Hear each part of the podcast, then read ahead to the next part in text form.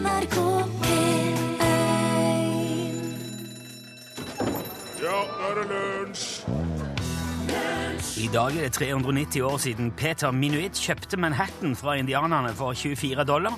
Litt omstridt beløp det der. Noen mener at de 60 gylden han betalte, tilsvarer mellom 2 og 15 000 av dagens dollar, men et røverkjøp var det nå uansett.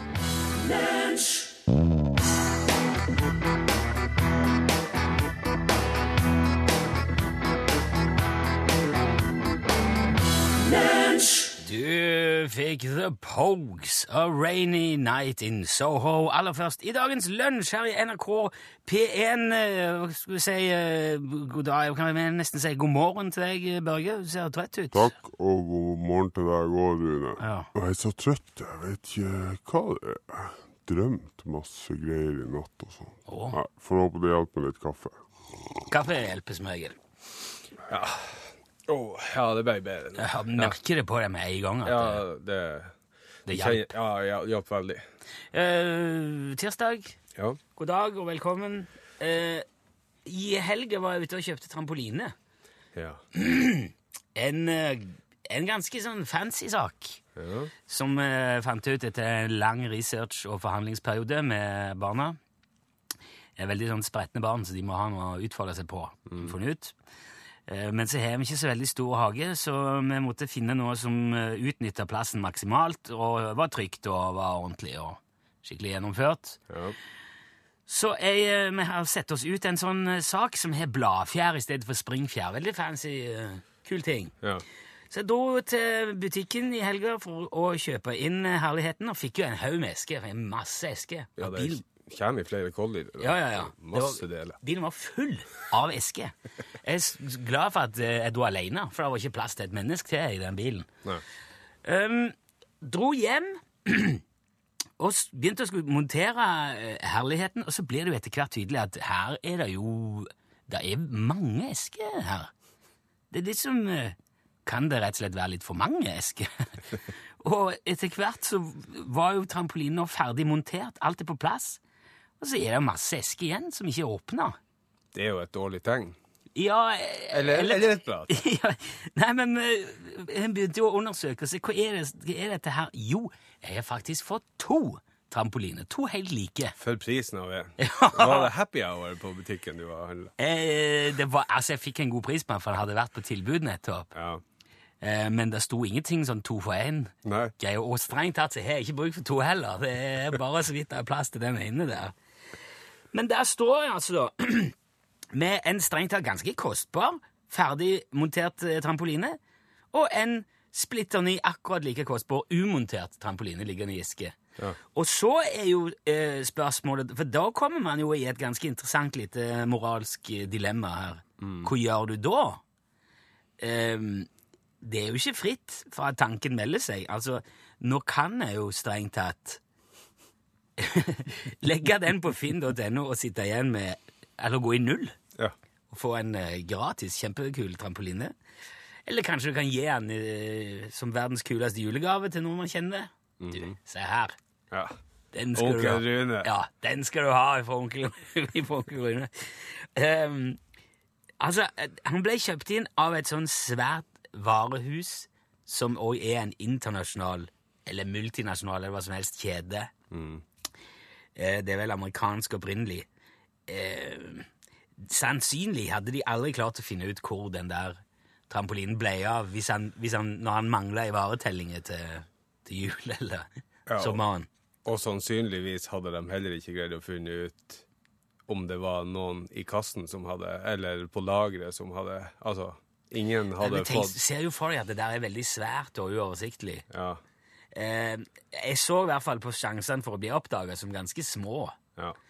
Eh, og på mange måter kan vi jo si at det er deres egen feil. Altså eh, Du hadde jo ikke gjort noe galt. Nei, nei, jeg skjønte jo ikke det. Sa, Å ja, det er såpass mye. Ja da, sa hun som hjalp. Hun lempa jo inn i bilen sammen med meg, Ja. hun som jobba i butikken. Ja da, altså, her er alt sammen. Jo, det er så mye, så. Ja, og litt tunge er de òg. Du får noe plass. Ja ja, vi snakket jo Det var jo liksom ikke Det slo aldri hun heller, Nei. at her er det to stykk.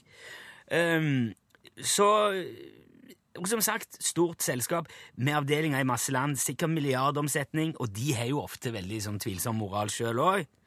Med med arbeidsgiverforhold, skatteunndragelser, så har de fallskjermer til direktørene sine, og så betaler de folk for dårlig og veldig mye. Jeg vet ikke dette om de, Nei, da. nei. Men uh, Man kan anta. men det har, jo, det har jo skjedd sånne ting før i sånne store selskap. Kanskje det går an å se på det som at de fortjener en liten smekk på fingeren i form av en trampoline mindre. Ja. Det er i det hele tatt mange gode grunner til å beholde den ekstra trampolinen, så hva gjør man da? ja, det er jo vanskelig. Nei, det er jo egentlig ikke det. Jeg, jeg, jeg skjønte jo hele veien at jeg må jo ringe og si at eh, du, jeg har to. Det går ikke an, Jeg klarer ikke å gjøre meg til tjuv for en trampoline. Så jeg ringte og sa at eh, du, jeg fikk to. Men jeg sa hvis du vil ha igjen den ene, ja, så får dere komme og hente den sjøl, for jeg eh, driver ikke og frakter tilbake deres feil. Så de har jo sagt, han ringte opp igjen og sa ja, det skal vi gjøre.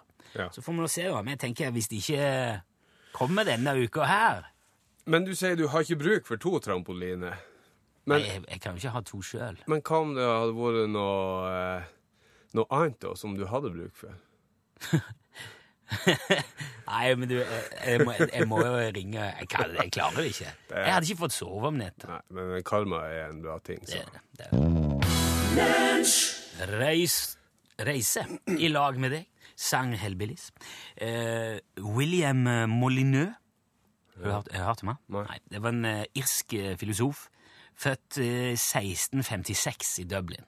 Lang, uh, langt tilbake, dette her. Han, eh, han hadde en far som var advokat og landeier, så han, han ble født inn i en ganske sånn velstående familie. Bemidla.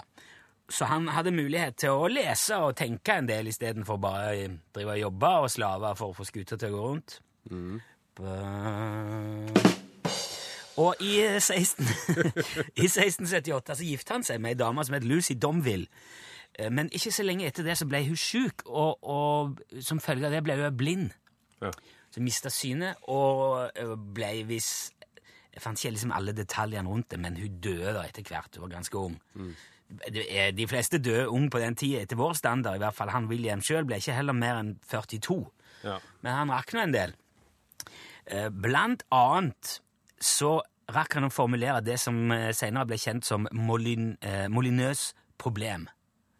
Har ikke hørt om. Nei, men eh, nå skal jeg fortelle om det. Ja, jeg gleder meg. Ja, det, det er kult, dette her. Det er et eh, Det er helt sikkert inspirert av hans blinde kone. Det er et filosofisk spørsmål som kort fortalt går ut på følgende. Altså, dersom en mann er født blind, eh, men kan kjenne igjen former Altså, han kan kjenne igjen ei, skille ei kule og en kube fra hverandre med, med å kjenne på dem. Dersom han da plutselig får evnen til å se, vil han da være i stand til å se hva som er kula og hva som er kuben, uten å kjenne på dem. Altså hvis du bare, etter å ha vært blind hele livet, slår på uh, synet igjen, så sier du nå, du har jo kjent på dem, men hvilken av dem er hvilken? Vil han da være i stand til å bare se det? Ja. Ja, ja, det må han jo. det tror jeg. Ja, du, du kjenner jo Altså Du må jo kjenne at ting Hvilken form det har, liksom. Ja, ja, ja jo, men det, og det gjør du jo. Men hvis du da Og oversette det til et Du skal eh, oversette det til syn, ja, Ja. uten å få kjenne på det, bare se, plutselig slår du på lyset, der ligger de to de tingene du Ja. kjente på. Hvilken er hvilken, tror du? Er det mulig at det henger så i hop, det der, at det ikke er mulig? Ja, altså, det ble jo Det har vært gjenstand for endeløse diskusjoner siden eh, midten av 1600-tallet. Første gangen det ble gjengitt, ble skrevet, var visstnok i et essay av John Locke, som også kalles liberalismens far. Han var vel litt mer sånn anerkjent, kanskje, og, og skrev, publiserte ting. Hans kommentar til det var eh, at nei, antagelig vil ikke den blinde mannen kunne se forskjell på en kule og kube, selv om man kan kjenne forskjell. Og det er mange som har spekulert i om sansene våre henger sammen, eller om de fungerer helt uavhengig. Altså, Spørsmålet er jo om berøringssansen og synssansen vil klare å kommunisere seg imellom, eller liksom trekke en logisk slutning når de Ja. ser ja, det må jo være den, der er det en spiss kant, det må jeg ha kjent. Eller, og så er det jo det der med at hvis du ikke har sett Vi har ikke sett noen ting før. Nei, men du må jo kunne kjenne de, altså, de geometriske figurene. Ja, ja, men Spørsmålet er om du klarer å oversette synsinntrykkene til Ja. å henge sammen med det. Ja. Du har aldri sett en spisskant. Nei, men Vil sånn du- som vi oppfatter synet og uh, altså alle sansene våre, så er vi filtrerer jo bort så mye greier fordi at vi ikke har bruk for det. Altså, blinde hører jo ofte, eller bruker hørselen mye mer aktivt enn Ja, ja, vi som ser, da. Fordi at vi har ikke bruk for all, uh, all Alle info. lydinntrykene. Nei. Altså, Det har jo vært umulig å svare på strengt tatt helt fram til 2007. Ser du det? Jo, for at uh, medisinen har jo kommet veldig, veldig langt. Har de fått noen til å se? Ja. De har operert uh, Det er jo flere som er blitt operert, uh, synsoperert, og fått syn. Ja. Enten tilbake eller for første gang. Ja. Hvis uh, synsnervene er intakte, eller det er en sånn mekanisk feil som du kan endre på. ja. Og i uh, 2007 ble fem mennesker mellom 8 og 17 år synsoperert. Uh, Før de ble operert, så var de eh, bare i stand til å skjelne vagt mellom eh, lys og mørke. To av de var i stand til, hvis det ble slått på et skarpt lys, å se eh, hvilken retning det kom ifra. Okay. Men ellers så var det, var det de var blind. Kun nyanser av lys som de klarte å se ut.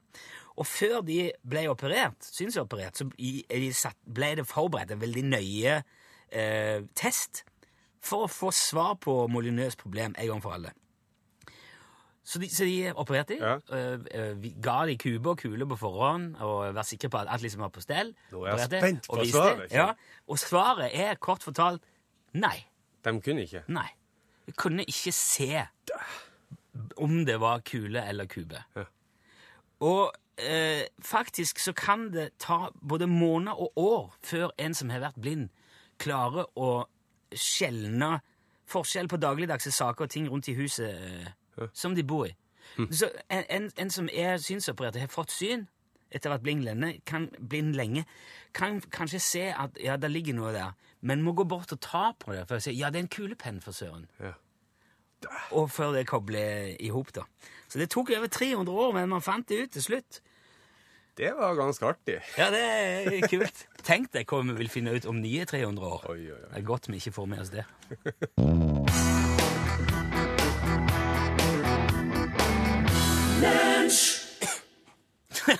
det var tima Tima hosting, det.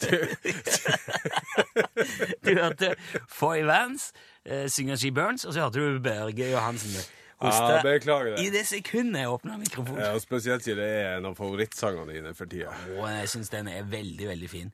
Uh, vi har fått uh, melding fra en del lyttere om at det er noen som har sneket seg innpå uh, på lufta Ja. i, i lunsj.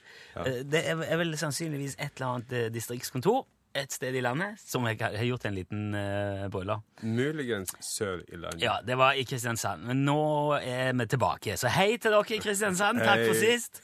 Det var, det var sikkert bare en liten glipp ifra MK Sørlandet. Det det. Lunsj, radiogram 73, 88, 14, 80 Hei, det var Berit Pauline fra Mosjøen. Hei, Berit. Ja, dere snakker om det her er god mat eller hva det var. Men ta nå heller og svar på det alvorlige spørsmålet. En romantisk middag, hva det er for noe?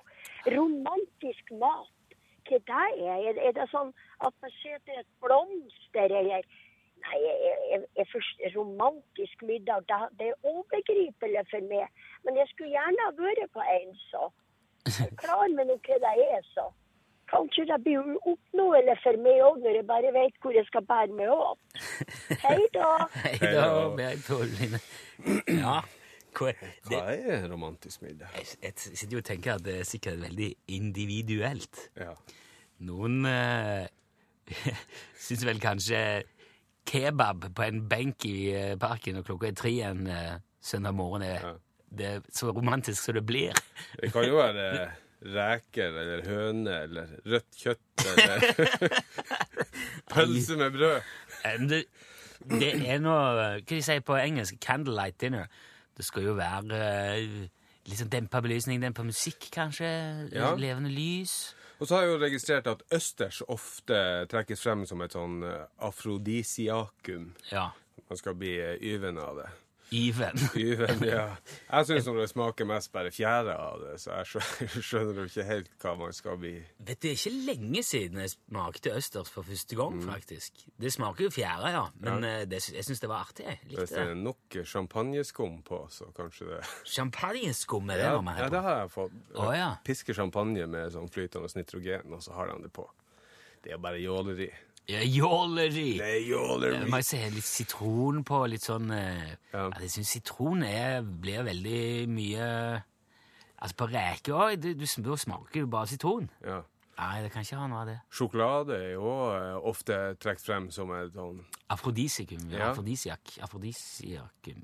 Ja. Minukikukiminum. Ja, Ja. at det skal virke på den måten. Så eh, har du noe østers og sjokolade eh, i en av rettene, Ja. så er det jo Jeg tror det blir et pølline sjokolade, østers, et telys Jeg trekker tilbake alt jeg har sagt nå. Jeg tror at en romantisk middag handler om hvem du er i lag med. Du, Så det- ei pølse med brød, eller en kebab, eller en femretters middag kan alle sammen være en romantisk middag hvis det er i lag med noen som du bryr deg virkelig om. I godt selskap, ja. Jeg er Børre Rune. Det er Thomas her. Hei, Thomas. Så jeg skal begynne med å fortelle dere at, eh, at jeg bor da i Oslo. Ja. Og jeg har reist eh, ganske så mye i Europa. Og det er så jævlig lett for en som f.eks. meg, som bor i Oslo, å vende nesa sørover eh, når man skal ut og reise på ferie. Børre, du er fra Senja. Og jeg har sett bilder av Senja på internett, og det er veldig, veldig vakkert. Men jeg har et spørsmål til deg, Børre, fordi jeg har jo veldig lyst på å reise nordover. Og da tenker jeg Nord-Norge. Og jeg tenker også Hurtigruta. Jeg kunne godt tenke meg å stille følgende spørsmål til deg, Børje. Hvis du skal gi en person som bor på Østlandet, tre eller fire gode råd når det gjelder å reise til et sted som man må oppleve, liksom, i Nord-Norge, hva vil du trekke frem da? Lofoten har jeg veldig lyst på, for det har jeg også sett bilder av. Fantastisk vakkert. Og jeg liker å fiske. Men som sagt, tre-fire gode råd, Børje, fra deg, som er seniorværing. Det kunne vært veldig interessant å høre litt om. Hei. Hei!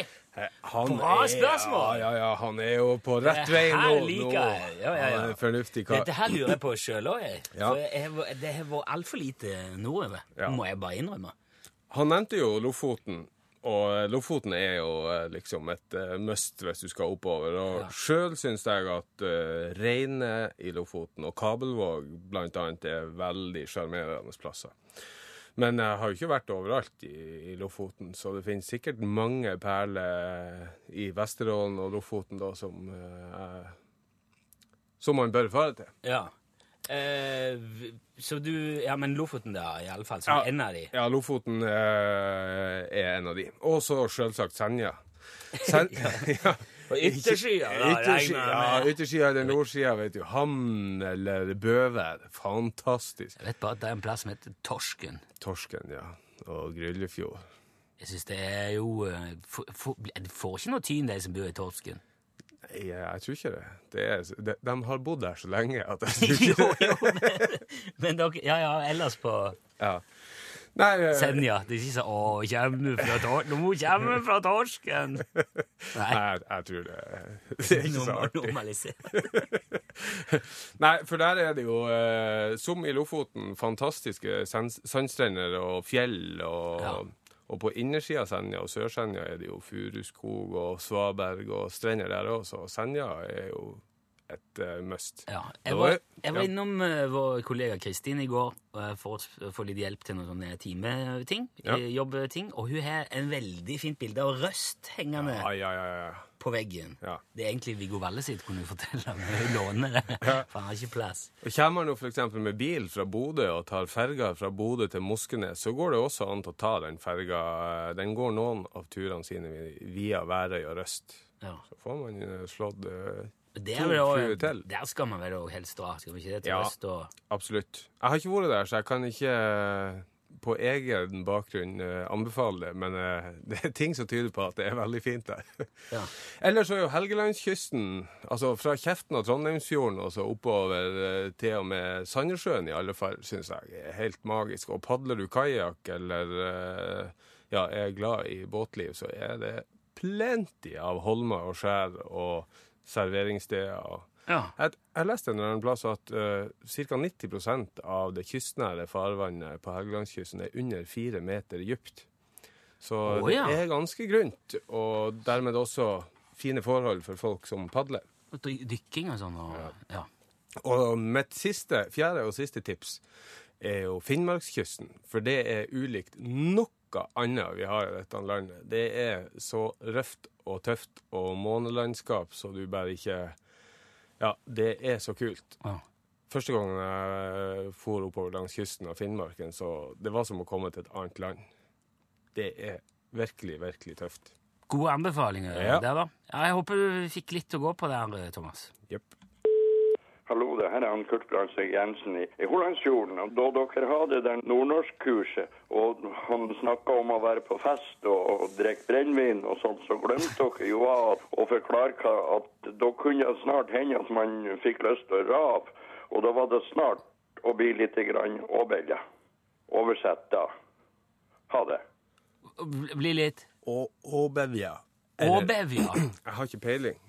Jeg har uh, Det ordet aner jeg ikke hva det er. Og nå i Du har ikke klart å finne ennå. Jeg har Du har sittet med dette hele dagen. i hele for- formiddag siden jeg kom jobb, eller kom på jobb, så har jeg hatt kontakt med alle helgelendingene som jeg kjenner omtrent, og spurt uh, Vet du hva dette betyr? Åbevja. Og ja, om jeg, om jeg sier det rett, vet jeg ikke, eh, men uh, nå i den duren. Um, eh, og jeg har fått inn to forslag som jeg ikke har, noe grunnlag for å vurdere om det er riktig eller galt. Noen foreslår at det å være veldig full, altså å bli veldig full. Ufta. Noen andre mm, foreslår at det kan være altså å grassere. Eh, og det betyr, hvis du er edru, så betyr det å lekeslåss. Hvis du er beruset, så eh, kan det være å gå litt banan. Altså. Du har litt for mye energi som skal ut. OK. Åbevja. Men Hvis det, det er- skulle jeg veldig gjerne ønske at hvis det er noen lyttere som vet hva det her betyr, Det er jo det er i hvert fall én som vet det. ja, og om ikke noen andre, så vær så snill, send inn svar, for jeg vil vite hva det betyr. Du må bruke L eh, og, og 1987 da, hvis du sender SMS. Ja. Lunsj, radiogram 73, 88, 14, 80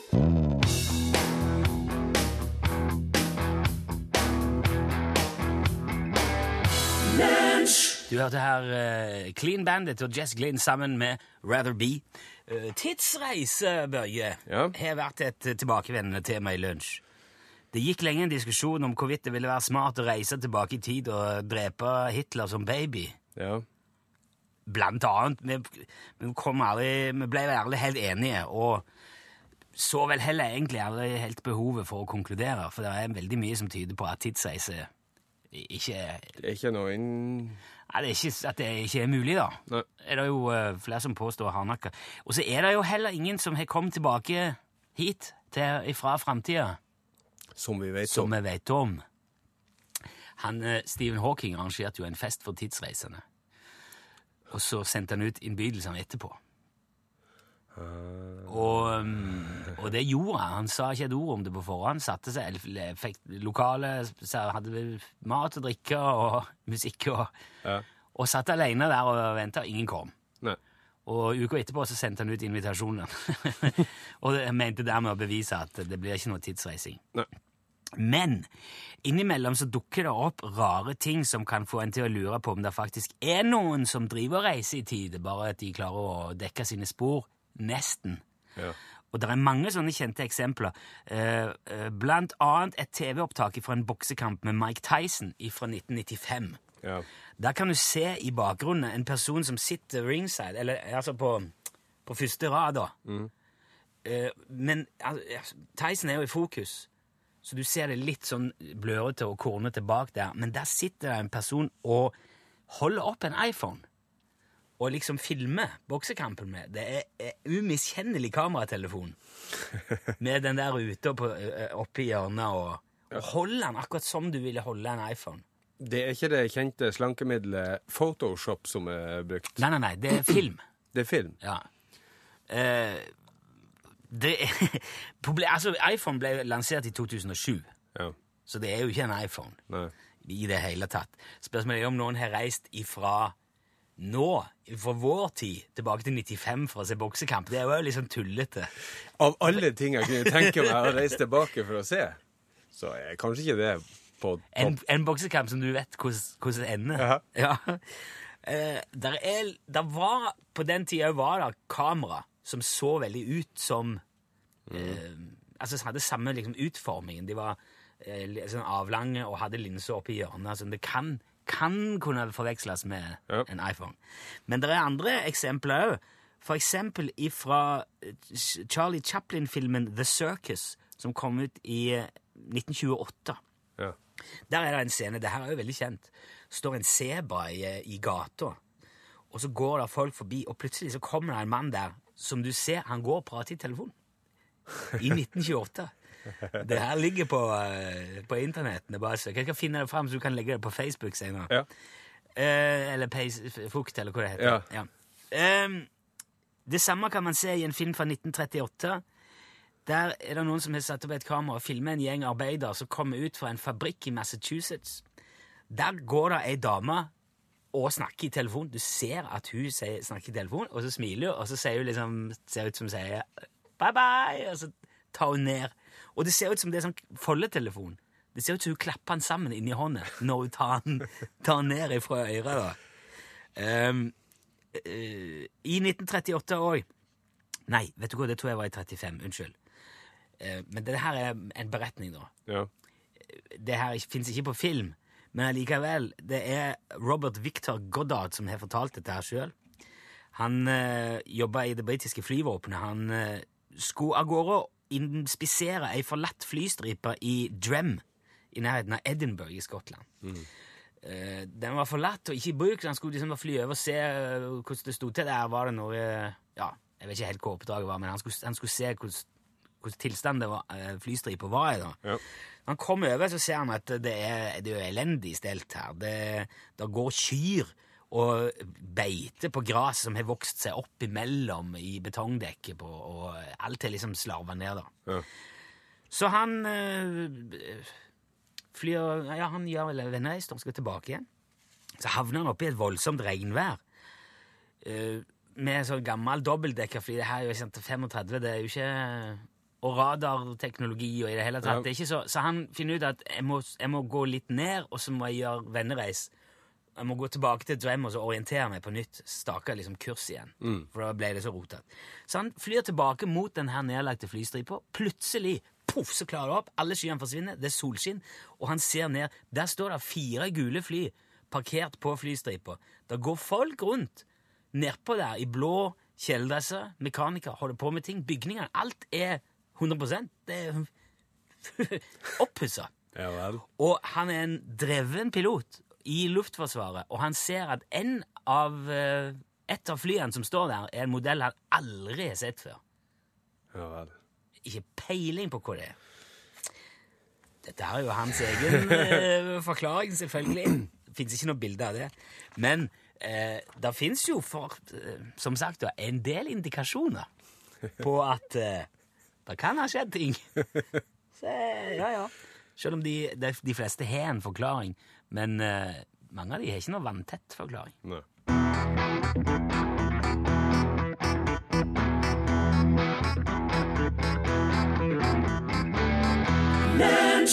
Det var jo Tom Jones, selvfølgelig. It's not unusual. Har du fått svar på eller Finner du noe ut om det her ordet? Ja, altså det er noen som, eh, som eh, foreslår at, eller tror at det kan bety å komme i vanskeligheter eller i trøbbel.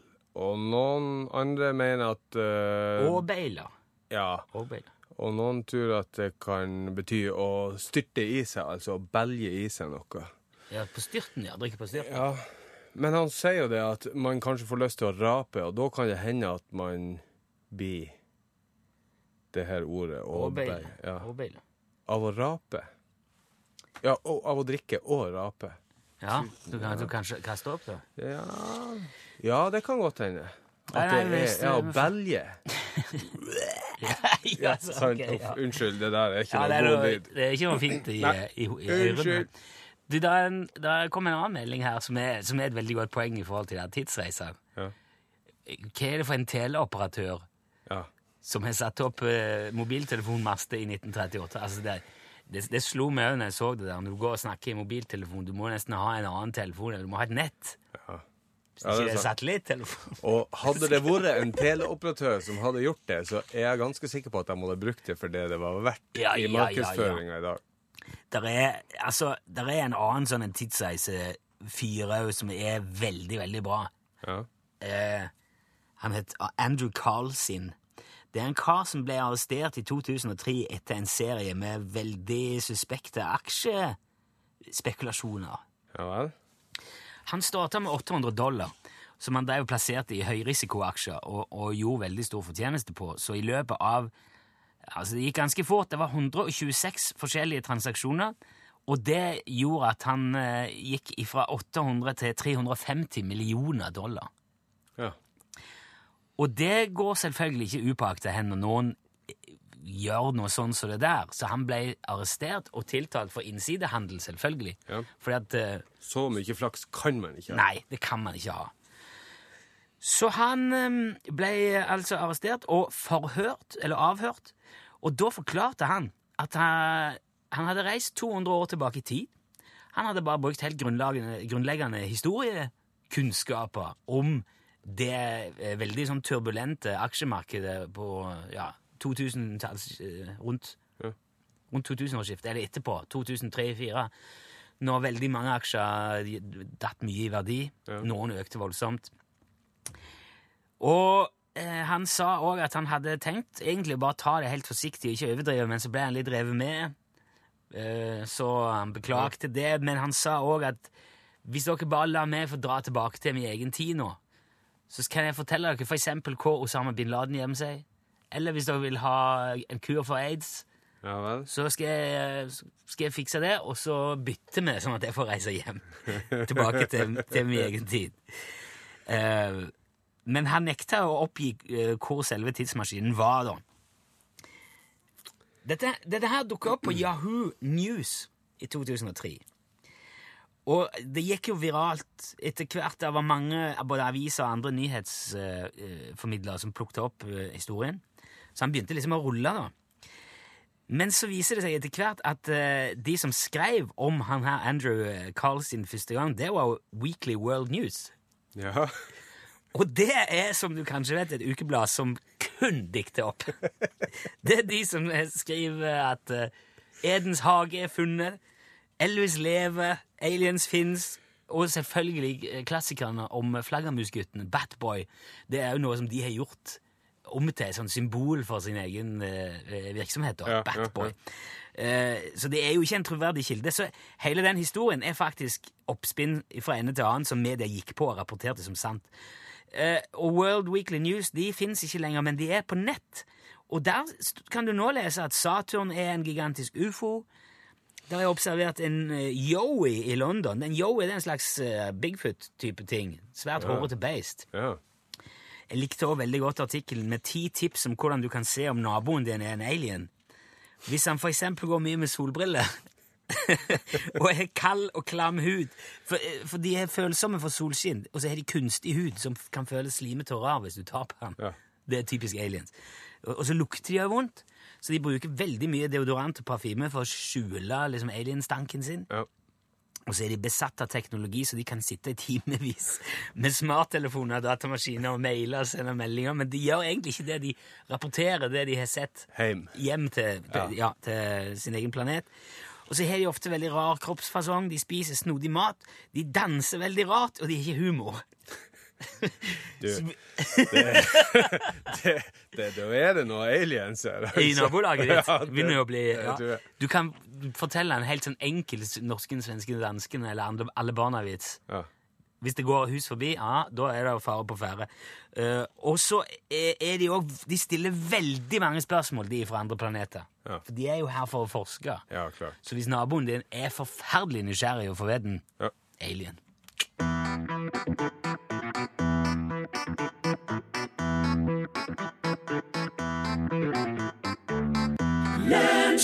Du hørte Somebody's Darling eh, på tampen her. eh, That's Why I Wear Black. Og den toner ut nå, fordi at her er Pål Plassen! Hei! Oi, Sånn så det. koselig. Ja. Det hjelper! For en selvtillitsboost på en tirsdag! Du, jeg lurte litt på sansene deres. Er de helt i orden, holdt jeg på å si? Nei da. Men eh, det her med å eh, lukte på mat skal det handle om i Norgesklasse i dag. Ja. Eh, er dere slik som eh, lar eh, nesa eh, bestemme når en tar ut noe som har gått ut på dato, Ja. f.eks.? Ja. Ja, og det er jeg veldig opptatt av. Ja, fortell. When Ja, in doubt. altså eh, Jeg ser jo på datoen, men hvis den er gått over, eh, så åpner jeg og lukter og tar på hvis det hvis nesen sier det er greit, og det ser greit ut, så kjører jeg på. Da spiser jeg Egg, for eksempel. Ja, Ja, dem er jo holdbar holdbare i månedsvis. Gjør de det, altså? Ja, ja, ja. ja, ja. ja. Det er derfor vi alltid har med egg på sjøen, for de tåler så mye. Mm. Men jeg syns nesten når man åpner kjøtt, at det lukter litt rart uansett. Altså. ja, det gjør det. Ja, Men det er på grunn av den der eh, atmosfæren det er pakka i. For det ligger jo i sånn eh, gass eller sånn eh, Og de som, driver, de som driver med sånn dumpster diving, altså å Ja, plukke ja. mat fra ja. container, sier at lukter det fis, så er det greit. Lukter det bæsj, er det nødt. Da skal du ikke ete det. Hva er det drøyeste du har spist, tror du? Nei, jeg har eh, drukket melk som er to uker over datoen. Det er ikke noe melk stress. der, det gjør ikke Ja, men den var helt fin. Ja, det, men det er ikke melk. Ikke noe problem. Ikke melk. Diskusjon fortsetter.